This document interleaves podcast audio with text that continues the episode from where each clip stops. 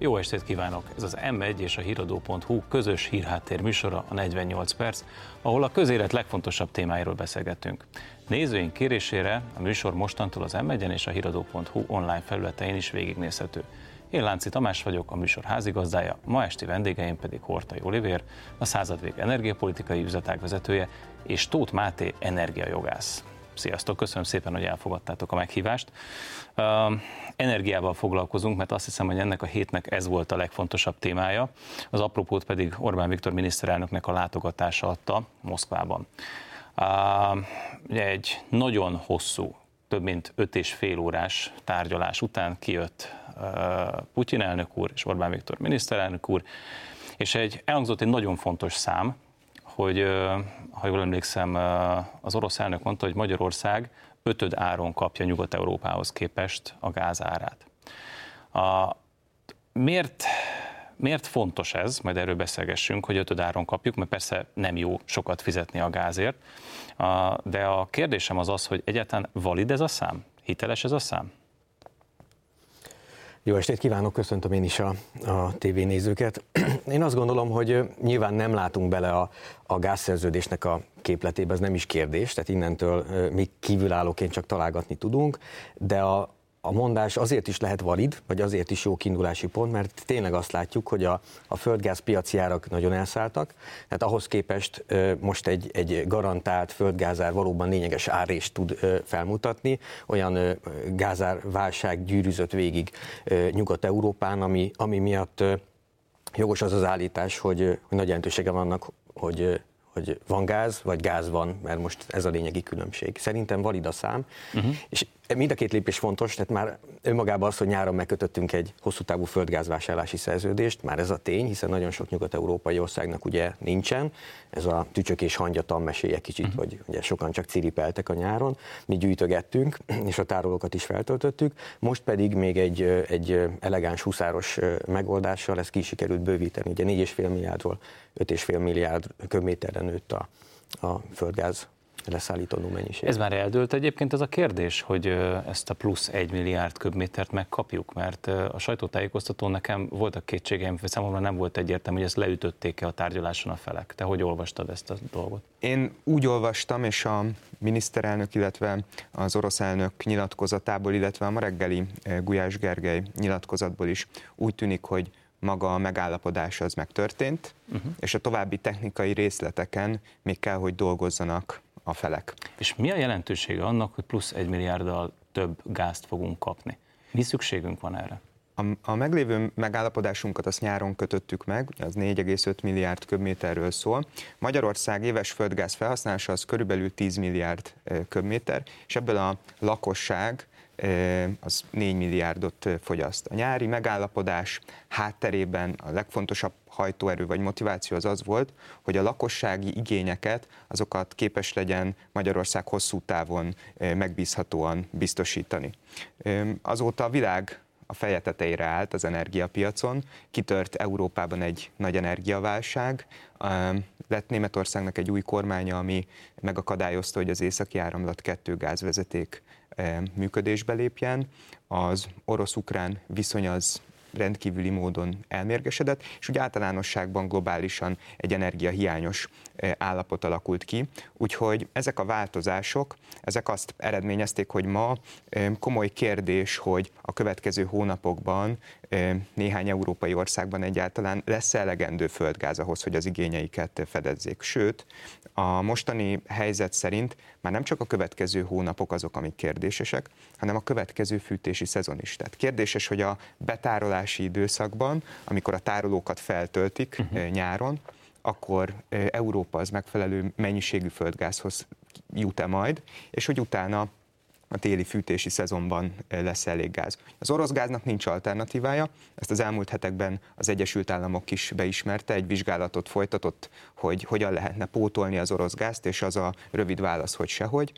Tehát most a felelős energiapolitika az Itt, az... Bocsánat, egy pillanatra táljunk meg, mert azért én olvastam ezzel teljesen ellentétes cikkeket is, amelyek arról szóltak, hogy hát ki lehet váltani az orosz gázt, egész egyszerűen csak ilyen hatalmas tankerhajókon át kell hozni a cseppfolyós gázt Katarból, illetve az Egyesült Államokból, és akkor tulajdonképpen ez működhet. Ez, ez alternatíva? Tehát lehet a katari vagy az Egyesült Államokban kitermelt palagáz az orosz gáznak alternatívája?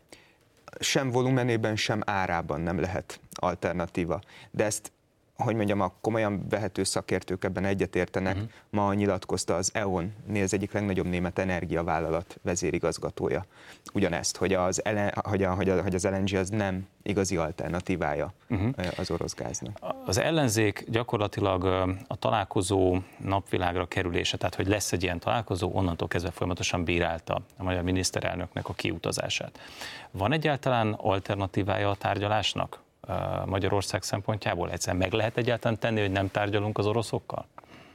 Természetesen nem. Önmagában az a tény, hogy Magyarország érdeke, mindannyiunk érdeke, hogy a, a, a szükséges földgázmennyiség rendelkezésre álljon mind a védendő fogyasztóknak, akiknek van egy, egy egy lassan szintén növekedő földgáz felhasználási igényük, 4,5 milliárd körül alakulhat talán ez, mint pedig az iparnak egyébként, hogy ugye komolyabb inflációs hatás nélkül működni tudjon, ez olyan, olyan érdek, ami önmagában szükségesé teszi, de a földrajzi adottságaink is. Tehát az, hogy Magyarországnak a, a saját földgáz kitermelése 15% közül, körül mozoghat talán most, ugye egy adottság, ez egyértelművé teszi, illetve az infrastruktúra is, amit megörököltünk ugye a korábbi évtizedekből, a földgáz szállítási, szállító vezetékek, meg a, a határmetszékek, hogy szükségünk van az orosz gázra, ugyanúgy, ahogy a németeknek is szükségük van, tehát inkább politikai, hogy ki meri kimondani, és ki nem, és azért ma az ultima ráció, ugye a, a fegyveres összecsapás az nem tipikusan a, a, az ilyen nyersanyag szükségleteknek a beszerzési módja, tehát marad a tárgyalás. Én azt gondolom, hogy valóban ez a helyes. A tárgyalás és valószínűleg maga az infrastruktúrának a fejlesztése. Ugye Magyarország az elmúlt tíz évben azért egy jóval nagyobb mozgásteret alakított ki magának az energiapiacon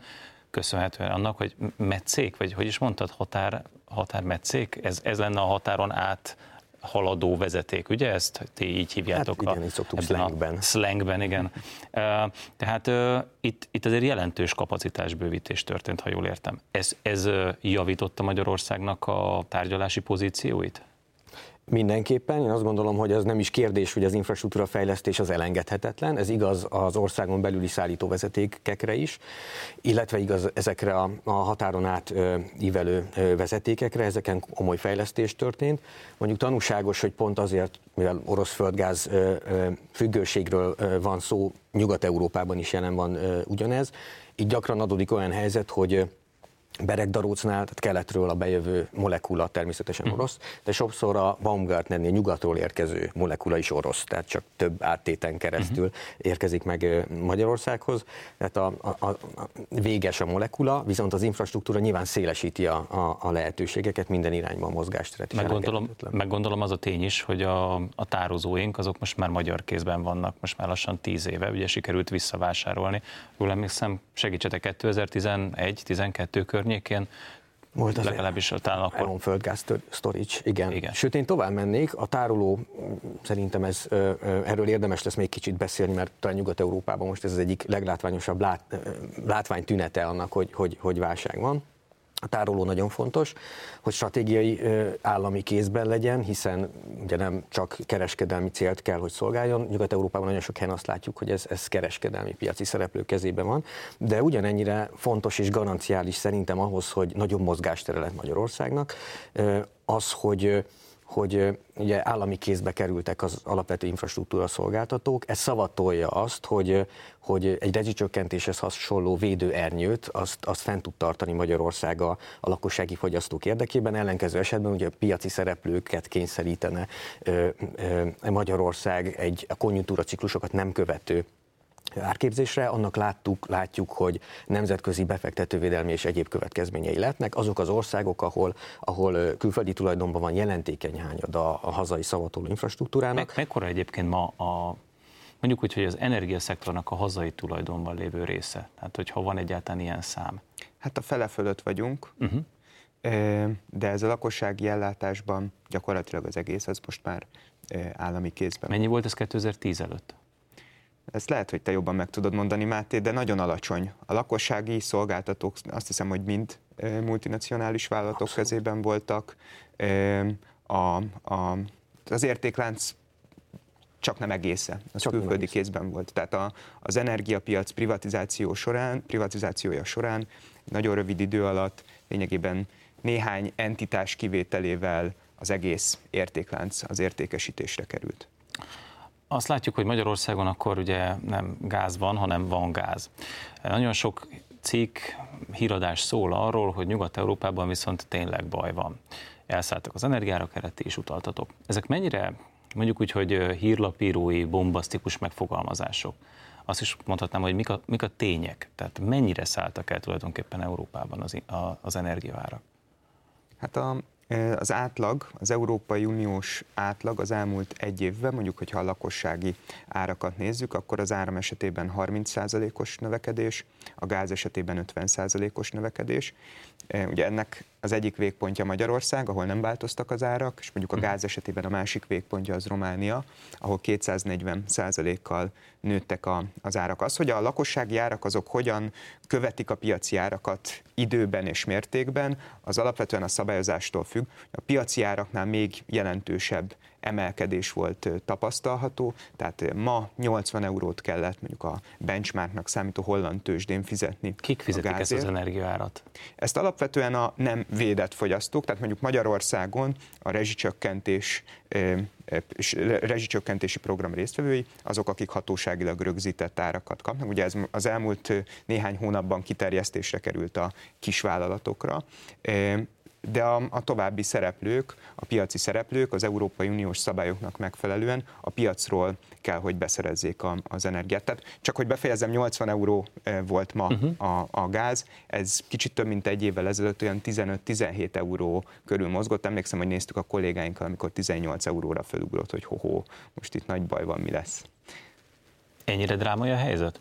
Én ezzel teljes mértékben egyetértek, tehát ezt, ugye a számok azok tények, tehát látványosan megemelkedett a, a, a, a földgáz ára és a villamosenergia ára is, tehát ráadásul van itt egy ilyen, ilyen, ilyen paralel hatás, és ezzel párhuzamosan ugye nagyon fontos, hogy mennyi a rendelkezésre álló energia, csak a, a földgáznál, tehát a másik oldala annak, hogy ha már a szimptomákat veszik tulajdonképpen most számba, hogy hogyan szálltak el az árak, hogy az a felesen bombasztikus a, a, a híreknek, vagy nem csak ilyen, ilyen újságírói túlzás, hogy aggasztó is a, a rendelkezésre álló energiamennyiség, földgáz mennyiség, de a villamos energiánál is ugye vannak, vannak problémák. Tehát ilyen értelemben, és ez a másik fel a uh-huh. problémának, nem csak a, a, a magas árak jelentenek Nyugat-Európában, komoly aggodalomra adó. De ez egy átmeneti jelenség? Mert ö, lehet olvasni azt is, hogy ö, ugye ez persze vannak ilyen piaci kilengések, most egy kicsit elszálltak az energiárak, de aztán majd ez vissza fog menni. Itthon is lehet hallani ilyen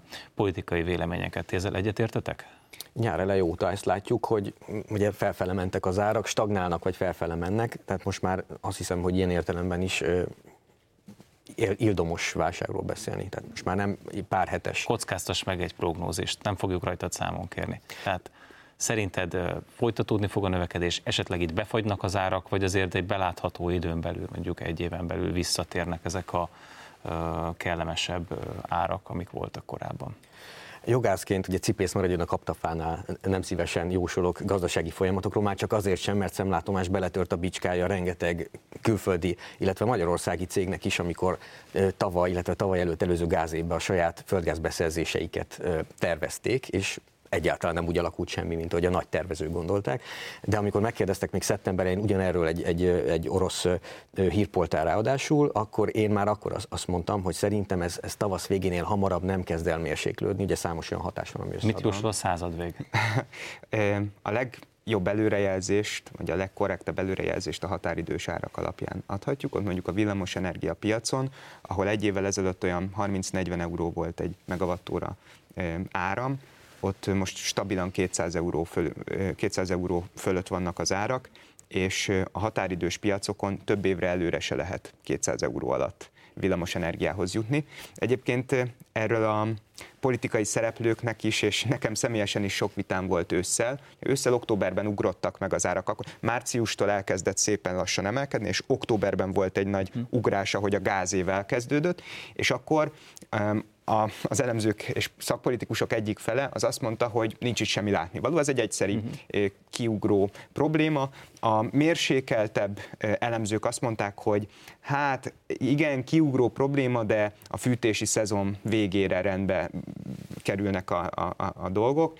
Hát ehhez képest most mondjuk az északi áramlat 2 az nem valószínű, hogy, ez, hogy a mostani betárolási időszak végéig üzembe lép, és a piac az úgy árazza az, az energiát, hogy ez tartósan, hogy tartósan magas árakra kell készülnünk. Ki a felelős ezért? Itt is én rengeteg véleményt olvastam, amikor elindultak fölfelé az energia árak, emlékszem, hogy a nyugati sajtóban, de, de komoly, szeriőz sajtótermékekben lehetett olvasni, hogy hát igen, most egy kicsit emelkedik az energia ára, mert Németországban most hűvös volt a nyár, keveset sütött a nap, keveset fújt a szél, ilyen véleményeket lehetett olvasni. Na most én úgy gondolom, hogy ezen szerintem túllendülhetünk, tehát nem természeti hatások állnak mögötte, de akkor mi? Mert erről nagyon megosztanak a vélemények. Oliver, neked erről mi a véleményed? Én azt gondolom, hogy egyébként ezekben van igazság, tehát tényleg mondjuk, hogyha az előző évben megnézzük, hogy az északi tengeren milyen volt a szél intenzitás, akkor alacsonyabb, mint a korábbi években. Hát ilyen módon nem teljesen fake news, amit olvastál. Én azt gondolom, hogy De azért a közvetlen ötszörös, hatszoros olyan áremelkedésekről beszélünk, tehát ez azt jelenteni, hogy gyakorlatilag az északi tengeren akkor nem fújt a szél fél éve. Tehát az elsődleges közvetlen kiváltóka ennek a, az energiaválságnak az a koronavírus járvány utáni nagyon gyors gazdasági visszapattanás volt. A koronavírus járvány alatt nagyon sok beruházás elmaradt az energiaszektorban, mert leestek az energiaigények, leesett a fogyasztás, és utána jól sikerült a helyreállítás a legtöbb országban. Nagyon gyorsan megnőtt a gazdasági aktivitás, nagyon gyorsan megnőtt az energiaigény, és a kínálat ezt nem volt képes követni. És azt látjuk, hogy ez egy globális jelenség, de azt, hogy az egyes régiókban mennyire ütötte meg az adott, az adott régiót a, ez, a, ez, a ez, a, ez a hatás, ott viszont nagy különbségek vannak, és erre a legnagyobb befolyással az volt, hogy az egyes régióknak mekkora az alkalmazkodó képessége, amit viszont az elmúlt 5-10 év szakpolitikai törekvései befolyásoltak elsősorban. Azt, hogy az Európai Unióban ez az energiaválság, vagy ez az energiahiányos állapot egy, egy válságot, egy rezsiválságot okozott, az viszont ö, leginkább az én véleményem szerint annak köszönhető, hogy az elmúlt években az Európai Bizottság és számos tagállam ö, tudatosan leépítette azokat a hagyományos kitermelő és átalakító kapacitásait, amik műszakilag alkalmazkodó képessé tették volna, leépítette azokat a piaci megoldásokat, mint például a hosszú távú gázvásárlási szerződések, amik pedig beszerzési oldalról egy védőhálót, egy biztonságot nyújthattak volna, és a lakosságnál is le, leépítették azokat a típusú szabályozási eszközöket, mint Magyarországon a rezsicsökkentés, ami egy ilyen hirtelen sok hatás begyűrűzésétől képes megóvni a lakosságot. Így van ez. Szerintem most érkeztünk el a, a felelősség kérdéséhez, mert ugye vannak olyan gazdasági folyamatok, vagy akár ugye, olyan externáliák, amik természeti eredőjűek, amikre nem lehet ráhatnunk. A ki a ludas kérdésnél azért alapvetően ugye gazdasági jelenségekről beszélünk. De az már a, a jogalkotó és a politika felelőssége, hogy milyen eszközökkel vártuk a, a rendszeresen ugye mindig bekövetkező válsághelyzeteket, és hát ahogy ugye Nietzsche mondja, a hatalom adja az első jogot, valóban ugye mégis, mégis a, a politika meg a hatalom az, ami meghatározza az eszközrendszert is. És itt már azért a jogalkotónak olyan felelőssége is van, ha már a kialudas kérdésre keresik a választ, hogy az, hogy az északi áramlat 2 földgázvezeték nem tud üzembe helyeződni, magyar talanul fejezve ki, az kimondottan politikai akadályoknak az eredménye, mikor ugye földgáz hiány van Nyugat-Európában. Érdekes módon senki nem vizsgálódik ilyen, ilyen jogállamisági szempontból Németország körül, ahol simán államigazgatási, tehát közigazgatási ügyszakban van az engedélyezés, és ott fogják meg politikai okokból, amióta az új kormány berendezkedett Németországba, a végső döntéshozatalt az északi áramlat kettő vezeték szempontjából. Ez már abszolút politikai, jogi, szabályozási, felelősségi kérdéseket vet fel, ahogy az eszközök hiánya is. Villanyoldalon is igaz ez, földgázoldalon uh-huh. is mhm. igaz ez. Nyugat-Európa megfosztotta magát azoktól az eszközöktől. De miért kellett például a tárolókat leüríteni? Ugye, hogyha megnézzük, akkor rekord alacsonyságú a nyugat-európai gáztározóknak a feltöltöttsége. Ennek mi volt az értelme? Tehát egy stratégia, nevében benne van, stratégiai gáztároló. Azért tartjuk, azért van ilyen, hogy abban legyen gáz.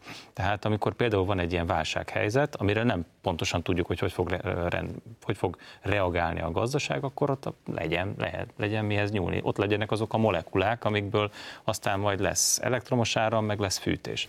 Vagy ez egy ilyen naív hozzáállás? Nem, hát ez a piacosításnak a következménye, tehát nem mindenhol stratégiaiak azok a stratégiai tározók. Uh-huh. Más országokban jellemzően ezeket magáncégek eh, üzemeltetik és kontrollálják ezeket a eh, tároló kapacitásokat, és az, el, ez az előző évben tavasztól elkezdve egészen növeke, folyamatosan növekedett az energiaár, a földgázár, és számos vállalat úgy okoskodott, hogy a kivár a, a betárolással, kivár a beszerzésekkel, mert majd úgy is visszaesik. Ugye az elmúlt tíz évben egy viszonylag olcsó energia árkörnyezethez szokta. Ezt én értem, de hát ez döbbenetes. Tehát ez azt jelenti, hogy akkor ültek a nyugat-európai kormányok, és nézték, hogy kúszik fölfelé az energiaár, a tározóknak a töltöttsége meg csökken vagy stagnál.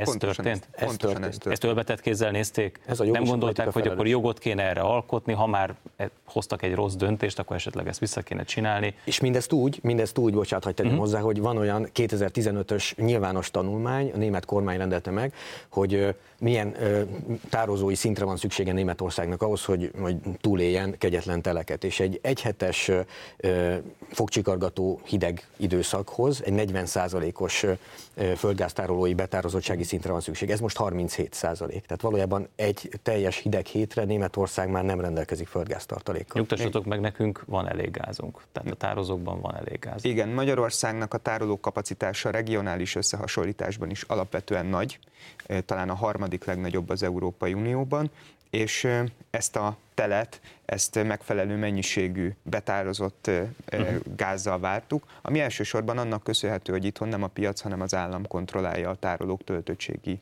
szintjét, és nem az államnak nem az a célja, hogy spekuláljon a földgázzal, hanem az a mhm. célja, hogy biztosítsa a gazdaságnak a szükséges energiamennyiséget. Na most, amikor az elszálló energiáraknak az okairól kérdeztelek titeket, akkor én azt gondoltam, hogy az első, amit mondani fogtok, az az, hogy Németország bezárta az atomerőműveit. Ennek nem volt jelentősége? De igen, volt, ez valóban egy szimbolikus ö, ügy. Hát az elszálló energiárak a közvetlen oka az az, amit az én véleményem szerint, amit elmondtam, ez a koronavírus járvány, és a szakpolitikai oka, ez a kitermelési és átalakítási kapacitások leépítése, és ennek része az, hogy Németország leépítette az atomerőműveit, ez valóban egy nagyon felelőtlen döntés volt, és valóban hozzájárult, és az különösen felelőtlen döntés volt, hogy a maradék hat atomerőművéből hármat ennek az energiaválságnak a közepén, tavaly év végén is leállított a terveknek megfelelően, annak ellenére, hogy szakmai szervezetek sora kérte levélben különböző módon a német kormányt, hogy ezt ne tegye meg.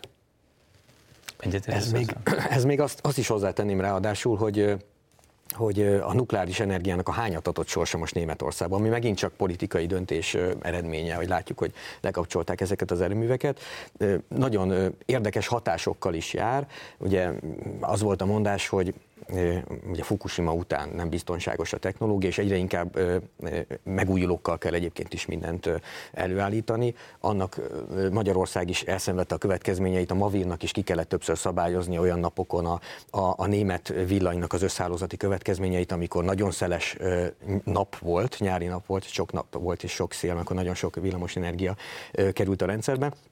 De ráadásul tehát Németország bekerült egy olyan spirálba, ahol egyrészt komoly nemzetközi konfliktusokat eredményezett a bezárás, tehát jelenleg a kümmeli atomerőmű, ugye Vattenfall erőműve egy nemzetközi befektetővédelmi perben méret. Innen meg. fogjuk folytatni, mert az atomenergiával kapcsolatban még lesz kérdésem, hogy egyáltalán az atomenergia hogy juthatott ebbe a pozícióba, illetve volt most egy-két egészen érdekes döntés az Európai Unióban ezzel kapcsolatban. Most viszont egy rövid szünetet tartunk, a beszélgetést pedig a hírek után fogjuk folytatni, ugyanitt az M1-en és a híradó.hu-n. Tartsanak velünk a második részben is.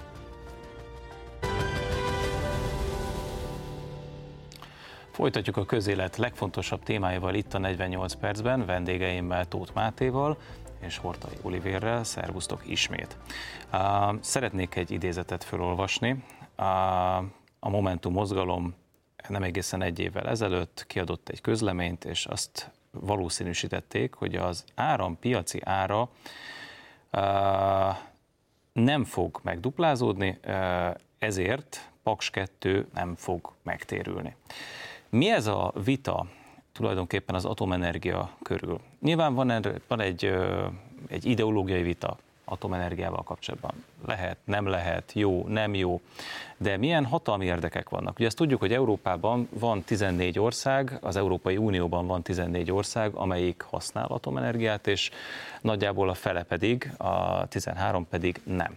És látható, hogy nagyon élesen szemben állnak azok az országok, amelyek nem használnak, nem használnak fel az energiamixükben atomenergiát, azokkal, akik viszont építenének erre.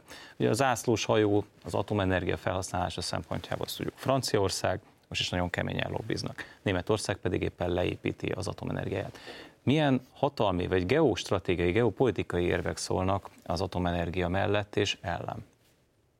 Az én élményem az az, hogy most már egyre kevesebb atomellenes ország van, tehát most tegnap született egy döntés az Európai Bizottságban az új úgynevezett taxonómia rendelet keretében, hogy fenntarthatónak minősítik az atomenergiát, és ezt megelőzte egy nagyon komoly politikai vita, és ebben a politikai vitában nagyon világosan látszódott az, hogy melyek azok az országok, amik amik ellenz, amelyek ellenzik az atomenergiát, és melyek azok, amik, amik nem.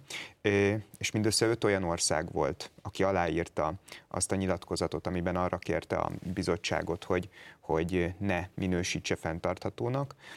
Tehát most már egy, van egy viszonylag kis koalíció, Németország, Ausztria, Luxemburg részvételével, ők hárman talán a legerősebb ellenzők. Most már igazából az Európai Unió többi tagállamában vagy elfogadják az atomenergiát, vagy kifejezetten támogatják. Az én meggyőződésem, hogy ennek az egyik oka az az, hogy az atomenergia ellen szóló szakmai érvek azok lényegében elfogytak. Most már szinte minden nagy nemzetközi szervezet kiáll az atomenergia mellett, a Nemzetközi Energiaügynökség, az ENSZ különböző szervezetei, de egyébként a bizottság saját háttérkutató intézete is az energiaválság is sokat hozzátett ehhez, tehát hozzá kell tenni, hogy, a, hogy Németországban uh-huh. készült egy felmérés most körülbelül egy hónappal ezelőtt, aminek az lett az eredménye, hogy a felnőtt lakosság 50%-a az visszafordítaná azt a programot, amelynek a keretében Németország bezárja az atomerőműveit. Behükre egy olyan kormányt választottak, ami viszont atomenergia ellenes vissza lehet ezt még csinálni, vagy a németek tulajdonképpen ebben a kérdésben súlyos vereséget szenvedtek, ami kifoghatni a, a gazdaságpolitikájukra, a gazdasági termelékenységükre? Hát atomerővet nem lehet üzembe helyezni egyik pillanatról a másikra, ezt látjuk pont a PAS 2 blokkok kapcsán is. Úgyhogy És gondolom, bezártat újra nyitni, az egyszerű, vagy hát az... Az sem feltétlenül egyszerű, uh-huh. arról nem is beszélve, hogy pont a szünet előtt itt fejeztük be komoly befektetővédelmi konfliktusokkal terhelt azoknak a számkivetett atomerőveknek a sorsa, amiket Németország politikai szóval lekapcsolt. Ilyen a, a kümmeli atomerőmű sorsa, a Vattenfall, ami, ami az Európai Unió jogának és a Nemzetközi Unió jogának a konfliktusát is kiélezte most, tehát melyik az erősebb ilyen esetben. Én is inkább arra helyezném a hangsúlyt, hogy, hogy látványosan ö, ö, elolvadt azoknak az ellenző országoknak a tábora, akik korábban, Finnország volt látványos, ami atomenergia ellenes ország volt, és, és zöld párt is van a kormányban, ők egyszerűen belátták, hogy az atomenergia nem száműzhető egy helyes energia mixből, úgyhogy akik maradtak atomenergia ellenesek, azok, azok látványosan világnézeti politikai alapon ellenzik már, nem pedig valamilyen gazdasági vagy racionális érv mentén. Áttörés egyébként az Európai Unió tegnapi döntése abból a szempontból, hogy most akkor megnyugodhattunk itt Budapesten, hogy, Magyarországon, hogy tulajdonképpen akkor az atomenergia most biztonságban van, lehet építeni paksot, nem fogja megakadályozni ezt egyetlen európai ország sem? Áttörés, de nem nyugodhatunk meg. Egyébként a Paks 2 beruházást ez nem akadályozhatja meg ez a döntés, vagy ennek a uh-huh. döntésnek a hiánya. Én azt gondolom, hogy ez egy nagy mérföldkő, hogy a bizottság ezt a, erre a következtetésre jutott, mind politikai, mind szakmai értelemben. Ami miatt még nem nyugodhatunk teljesen bele az az, hogy ennek a döntésnek még át kell mennie a parlamenten is. Én azt gondolom, hogy nem fogott megakadni, mert, mert hát az országok többsége az a, az atomenergia mellett van, Viszont a, Luxemburg és Ausztria már jelezte korábban, hogy hát is megy a parlamenten, akkor utána megtámadják az Európai hmm. Unió bíróságán a, a döntést. Tehát benne van a pakliban, hogy ez egy elhúzódó konfliktus vagy döntés lesz. Működhet egy akkora méretű ipar, mint a német, amely Európa a legnagyobb, sőt a világ egyik legnagyobb ipar, ipara. Működhet atomenergia nélkül? Működhet szélenergiával és napenergiával, vagy, vagy hogyha az ember lemond, egy ország lemond az atomenergia és a gáz és a szénenergia felhasználásáról, akkor halára ítéli az iparát, vagy ez így túl sarkos kijelentés? Én azt gondolom, hogy a mai tudásunkkal és a mai technológiai szinten felelőtlenség az atomerőműnek, egy, az atomenergiának egy politikai irányú kiküszöbölése a helyenes energiamixből. Azon lehet vitatkozni, hogy, hogy 80 év múlva vajon milyen lesz a technológia, villanytárolhatóság és minden egyéb. Nyilván hosszú távú döntéseket hoz egy ország, amikor az energiamixéről dönt, de a, a mai tudásunk mentén tudunk valójában dönteni, nem utópiák, meg társadalmi mérnökösködés mentén, és itt azt látjuk, hogy jelenleg az atomenergia az a, a biztonságos, olcsó, baseload, zsinórvillany, tehát állandó, stabil villamosenergia termelés biztosító erőmű típus, aminek ráadásul nincs, vagy elhanyagolható a széndiokszid kibocsátása, és ennek megfelelően ez a tulajdonsága, hogy egy, egy állandó, stabil, olcsó villany biztosít, ez jelenleg nem helyettesíthető más termelési módokkal. Tehát egy helyes energiamix nyilván nem állhat csak nukleáris energiából, de a nukleáris energia egy nagyon stabil pontja, hivatkozási hányada kell, hogy legyen egy helyes tervezésnek. És egyébként nem látok ebben egy olyan politikai szándékot. Magyarországon is kitapintható, de Nyugat-Európában nyíltan beszélnek a a, főleg a zöld politikusok, hogy tulajdonképpen az nem probléma, hogyha a rezsijárak magasan vannak, mert ezzel lehet kikényszeríteni az ipar korszerűsítését, illetve azt, hogy, hogy Márki Zaj Péter fogalmazott, ugye, hogy ha az ember, hogyha ha fázik, akkor föl kell venni még egy pulóvert. Egyébként Donát Anna is mondott ilyen, vagy tett ilyen kijelentéseket, ugye az LMP-nek, a, bocsánat, a Momentumnak a, az elnöke, amikor ugye azt mondta, hogy a, az átállás, az energetikai átállás, az, az fájdalmas lesz. Ezzel utalt arra, hogy magasak lesznek az árak tartósan. Hogy nem látok ebben egy ilyen szándékosságot, hogy ezt így kell, és ki kell, ki kell kényszeríteni erővel a lakosságból egy mondjuk úgy, hogy a szokásainak a megváltozását. Ez biztos, hogy társadalmi mérnökösködés, tehát ez nem racionális okok vannak mögötte. A század vég ezzel sokat is foglalkozott. Mi is pont most jelent meg egy energetikai könyvünk nyilván jogi szempontból azzal, hogy ugye mi, a, mi az árugalmasság uh-huh. ezeknél a, a, a villamosenergiás földgáz lakossági szolgáltatásoknál. És ugye mindig az jön ki, hogy, hogy, hogy egyszerűen nem, nem tudja követni az árat, nincs egy ilyen rugalmassága, a, a, tehát rugalmatlan a, a lakossági villamosenergia meg gázfelhasználás, ergo tehát nincs egy ilyen, ilyen követő mechanizmus, fogalmilag nincs benne egy követő mechanizmus, hogy ez leképezzen értelembe ezeket a kényszerítő megoldásokat, úgyhogy valóban áremelkedésekkel, hogy járjon minden ilyen oktroját társadalmi mérnökösködés, ami az egyik probléma, a másik viszont és talán ez még komolyabb, hogy, hogy komoly ellátásbiztonsági problémákat is eredményez az, hogyha csak megújulóra alapozza egy ország a saját energiamixét és a villamos energiatermelését. Sőt, hát annyit hadd tegyek még mhm. hozzá, hogy a magas árakra vonatkozó vitákhoz, hogy a, ma az Európai Unióban az egyik legélesebb vita egy új közös lakosságot terhelő karbonadó bevezetéséről szól. Egy ilyen típusú eszközzel mesterségesen tovább emelnék a lakossági árakat. Tehát ők annyira hisznek ebbe a kényszerítő módszerükbe, hogy még, még mesterségesen tovább emelnék a lakossági árakat, hogy akkor még jobban fölvesz majd egy pulóvert a, a, a, a lakos. És ahogy Máté mondta, az a baj, hogy a tapasztalatok azok nem ezt mutatják. Tehát például Magyarországon 2010 előtt volt egy nagyon jelentős áremelkedés, 15-ször emelkedett a gázára, de ez nem azt eredményezte, hogy a lakosok kevesebbet fogyasztottak, hanem hogy a rezsin kívül kevesebbet tudtak másra költeni, illetve hogy megjelent több százezer olyan háztartás, ami nem tudta felfűteni az otthonát.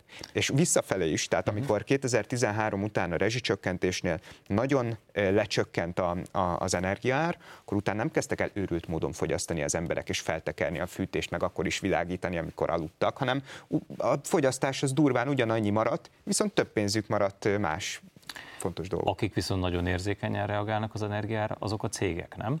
Tehát ott, és ebben nem ez mindig kérdésként fogalmazódik meg. Tehát, hogyha energia, az energiaárakat Európában mesterségesen magasan tartják, vagy rossz politikai döntések következtében magasak lesznek az energiaárak, akkor egy idő után a cégek fogják magukat és elmennek oda, ahol az energiárak egyébként alacsonyabbak. Akkor ez egy, ez egy öngól, nem? Tehát akkor az európai ipar leépül, és áttelepül egyébként olyan országokba, ahol lehet, hogy sokkal-sokkal lazábbak a környezetvédelmi szabályok, és akkor nem itt fog majd széndiokszidot kibocsátani, hanem majd 8-10 ezer kilométerrel arrébb mondjuk Kínában vagy Vietnámban. Igen, ez a carbon leakage, tehát ez Igen, létező. karbonszivárgás. Én azt gondolom, hogy a vállalatok esetében valamivel árnyaltabb a helyzet, mert ahogyan te is mondtad, a vállalatok képesebbek, vagy képesek rugalmasabban reagálni uh-huh. az árváltozásokhoz. Én ott a, a meglévő úgynevezett kótakereskedelmi rendszert, azt alapvetően nem tartom egy rossz rendszernek. Az a, az, a kótakereskedelmi rendszerrel az a fő probléma, hogy teljesen szabályozatlanul működik, teljesen szabályozatlanul alakul, és például az elmúlt hónapokban olyan magas árakat kellett megfizetniük a vállalatoknak, amit mondjuk egy-két évvel ezelőtt az Európai Bizottság a saját előrejelzésében 2027-28-ra prognosztizált. Tehát valóban van egy ilyen dilemma, amire utalsz, és ezért lenne óhatatlan. Ezért lenne nagyon fontos, hogy a fontolva haladást, a, azt, azt betartsuk, és odafigyeljünk a versenyképességre is, és odafigyeljünk a klímavédelemre is, csak hogy az elmúlt időszakban ez az inga, ez nagyon kilengett a klímavédelem irányába, és ennek valóban nagyon komoly versenyképességi következményei is lesznek, ahogy azt már láthattuk az elmúlt hónapokban, hogy gyáraknak kellett beszüntetniük a termelésüket, mert egyszerűen annyira magas volt az energia ára, hogy nem érte meg termelni. Én azt gondolom, hogy világviszonylatban is igaz ez az állítás, tehát ez a kockázat fennáll, tehát hogy leépül a nyugat-európai ipar, illetve versenyképtelenné válik más világrészek iparával szemben, de az, azt a kockázatot is látni kell, hogy azzal, hogy drágában termel, azzal egyrészt ugye egy, egy inflációs hatást is generál, de, de a, a, a lakosságnak is ugye minden drágább lesz a nap végén. Tehát ez, ez vissza is hat egyébként a, a mégiscsak a lakosság iszza meg a levét annak is, tehát még egy pulóvert ők fognak ezért felvenni, vagy egy pulóver árát fizetik helyesebben oda a drágább termel termékekért pont ezért, uh-huh. mert hogy, hogy Európa beáldozza a versenyképességét, és egyébként meg az ellátás biztonságát is a nelvek miatt vagy mentén, aminek azért mérsékelt a hozzáadott értéke a valóban helyes klímacélokért. Ugye Európa most 7,5% a mondás, ennyiben felelős a világ károsanyag kibocsátásáért. 7,5%. És hogyha a tendenciákat nézzük, akkor ez mondjuk 2030-ra elhanyagolhatóan kevés lesz, mert a fejlődő világ kibocsátásai azok drasztikusan emelkednek, a fejlett országoké pedig folyamatosan csökkennek. E, igen, ez lenne a kérdésem. Tehát, hogy ugye mindig ott kell beavatkozni, ahol, ahol nagy a baj. Tehát, ahol mondjuk dinamikusan növekszik a kibocsátás, hogyha ezt problémának értékeljük, akkor ott kell. Európa miért magán kezdi a, a megszorítást, miközben a világ többi része magasról tesz ezekre az európai magasztos eszmékre, és a maga részéről egyébként egy nagyon-nagyon határozott iparpolitikát folytat. Ez ideológia, pusztán csak erről van szó? Hogy lefegyverezzük tulajdonképpen magunkat gazdasági értelemben?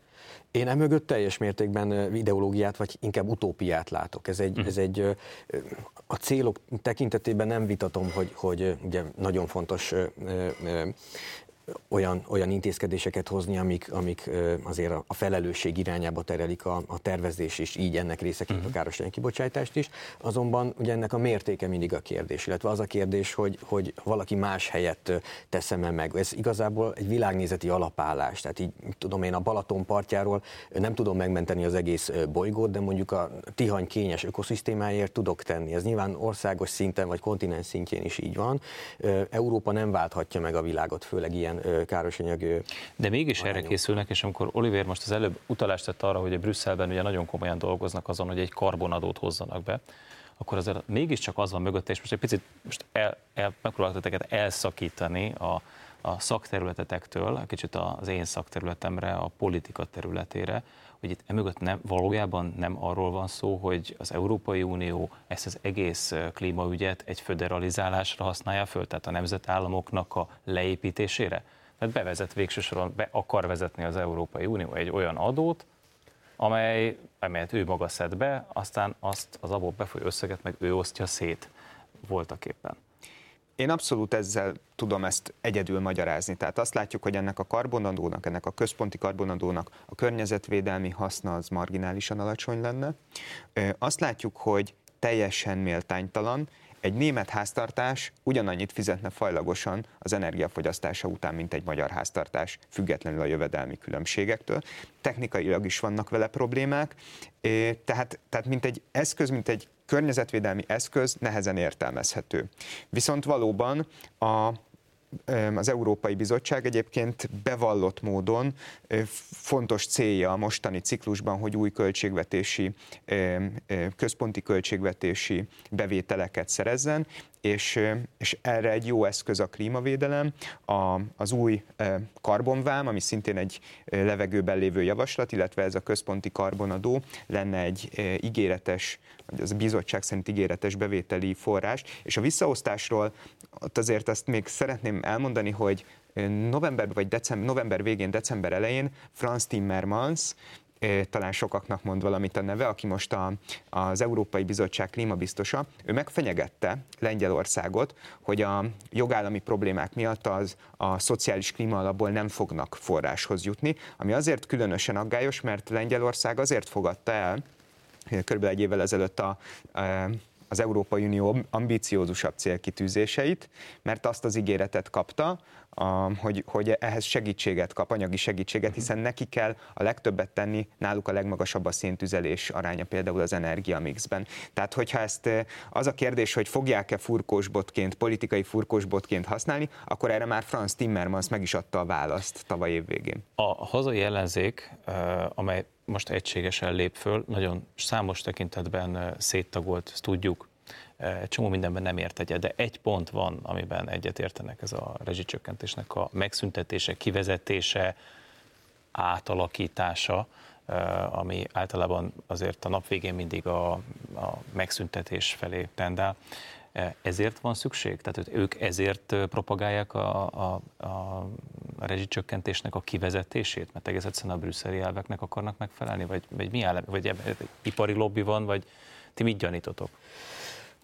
Én a tények oldaláról szeretem megközelíteni a, a kérdést. Egész biztos, hogy, hogy a jelenlegi árszínvonal és, és ellátásbiztonság mellett a rezsicsökkentés egy nagyon szükséges intézmény, tehát ezt most ebben a pillanatban támadni olyan, mint eső idején az esernyő becsukására kérni az embereket, hogy te miért. De egyébként meg az biztos, hogy ez a, a, a brüsszeli politikának segít, vagy, vagy legalábbis ugye azt, azt próbálja Magyarországon erősíteni, ami pedig egy tendenciába illeszkedik. Tehát az, amit, az, amiről beszéltünk, a karbonadó, és hogy ezzel saját forrást akar a, az Európai Unió magának biztosítani. Ez alig, hanem látványosan így van, tehát jogi szabályozási oldalról is ezt látjuk, mert hogy amilyen eszközzel csak élni tud az EU, él is. Ugye ilyen volt az északi áramlat 2 kapcsán egy új hatáskör teremtett magának az Európai Bizottság, ami nem volt, tehát eredetileg a tagállamok nem ruházták fel vele. Ilyen az Energiai Unió nevű kezdeményezés, ami, ami a, a megosztott, megosztott politikák területére tartozó energiapolitikákat, ami ugye a, a, a kizárólagos és a, és a támogató hatás hatáskör között van félúton, ezt a képzetbeli beli csúszkát elkezdte Brüsszel felé vonni, és minden egyéb eszközzel is látványosan Brüsszel igyekszik központosítani az energetikai típusú döntéseket. Szerintem örül. Kinek akar megfelelni a hazai ellenzék? Nehéz erre nem spekulatív választ adni. Kifejezetten erre kérlek. Tehát több magyarázatom is van rá. Az egyik, az, a század véget eh, megnéztük most az elmúlt hetekben az összes országgyűlési felszólalást a rezsicsökkentéssel kapcsolatban 2013 óta, és néhány nagyon érdekes következtetésre jutottunk. Az egyik, hogy elképesztő mennyiségű felszólalás van, több száz. A másik, hogy a nagy mennyiség ellenére ez felfűzhető mindössze néhány üzenetre, néhány narratívára, és ezek az üzenetek, ezek időben változatlanok, még akkor is. Mik ezek az üzenetek? Például az egyik egyik ilyen üzenet, hogy a rezsicsökkentés egy választási trükk, amit a választások után a Fidesz, ha hatalomra jut, el fog törölni. De hát Ez 2013-ban egy ért, értelmes uh-huh. felvetés volt, vagy politikailag értem. Aztán 2018-ban már kevésbé értem, és most ugyanezt látjuk, most éppen azzal indokolják, hogy ez fenntarthatatlan, és hogy, és hogy ezt, ezt azonnal választások után a Fidesz kénytelen lesz eltörölni. Hát ilyen az egyik, de, de ugyanilyen toposz az, hogy a rezsicsökkentés az nem segít az embereken, valójában nem is takarítanak meg. Kiszámoltuk, hogy, hogy több mint 600 ezer forintot takarított meg egy átlagos háztartás rezsicsökkentés bevezetése óta. Ilyen egy, ilyen a, számos, vagy van még néhány ilyen toposz, nem érdemes ezekre kitérni. A lényeg az az, hogy ezek időben állandóak, függetlenül a, az aktuális történelmi kontextustól. Tehát például a piaci energiaárakra vonatkozó kritika, hogy a hatósági ár nem jó, a piaci árak jók. Most az előző hónapban egy átlagos háztartás mondjuk villanyra és gázra 22 ezer forintot költött, ha piaci árak lettek volna, akkor 113 ezer forint lett volna az áram és gázszámlája. És, a, és, és jön a baloldal, egy átlagos háztartási. És jön a baloldal, és akkor elkezd ezzel kampányolni, ami politikai oldalról számomra nehezen érthető azon túl, hogy egy, egyébként egy sikeres programot kritizálnak. Egyébként én azt gondolom, hogy a rezsicsökkentés az, hogy a magyar háztartások, a legszegényebb magyar háztartás, a legtehetősebb is, ma Európában a legolcsóbban jut energiához, ez egy, ez egy ígéretes közös pont is lehetne a magyar politikában. Ez bocsánat, egyetlen egyet hadd tegyek még hozzá, mert az már inkább, inkább jogias év. Nagyon sokszor futok bele abba, hogy a nap végén azért nincs értelme a rezsicsökkentésnek, mert, mert a lakosság az adókon keresztül úgyis a nap végén finanszírozza a veszteséget, ami ezeknél a, az áramszolgáltatóknál vagy gázszolgáltatóknál keletkezik. Na most ebben meg ott, és nagyon régóta, tehát ez is tíz éve halljuk ezt az érvet, ami azért nonsens, mert a, az Európai Unió működéséről szóló szerződés, annak is a 107-es cikke pont azt tiltja, hogy a tiltott állami támogatásokra vonatkozó rezsim, hogy az állam ne finanszírozza azokat a, a nap végén a tulajdonában lévő eszközöket, infrastruktúrákat, amiknél mondjuk veszteség keletkezik, vagy, vagy, vagy nem elégedettek a, az árszínvonalal. Tehát pont az Európai Unió joga a válasz arra, hogy ez miért nem történhet meg, és nem is történik meg. Magyarországnak még ö, 2010 előtt volt nagyon komoly európai bizottsági ügye, a hosszú távú villanyszerződéseit vizsgálta az Európai Unió, pont a tiltott támogatás szempontjából ki is kapott az akkori kormány 2008. június 4-én egy döntést, döntéssel, ami egy örök mementó is arra, hogy egy, egy vörös vonalat nem léphet át az állam, tehát nem finanszírozhatja adóforintokból azt a veszteséget, ami mondjuk egy ilyen árszínvonal esetén jelentkezik, például egy állami cégnél. Oliver, elegánsan kikerülted a spekulatív részt, viszont uh, mégiscsak azt megkérdezném tőled, hogy a, uh, jó, ne politizáljunk, uh, csak annyit szeretnék kérdezni, hogy ha lenne ez a bizonyos karbonadó, az Európai Unió karbonadója. Ez szerinted körülbelül mekkora mértéket öltene? Ez mit jelentene egy magyar háztartás számára? Ezt egyelőre csak becsülni lehet, mert egy elég bonyolult rendszerről lenne szó, eh, ahol számos külső tényező befolyásolná azt, hogy végül mi az az ár, amit a nap végén a háztartásnak ki kell fizetnie. A mostani eh, információk alapján ez egy átlagos háztartásnak havi 10 és 20 ezer forint közötti pluszköltséget jelentene. Nagyon köszönöm, hogy eljöttetek. Szerintem egy nagyon jó beszélgetés volt, én is rengeteget tanultam belőle. Ennyi fért bele a 48 percbe. Köszönjük a figyelmüket. Egy hét múlva találkozunk az m és a hiradó.hu-n. Addig is tartsák szárazon a puskaport.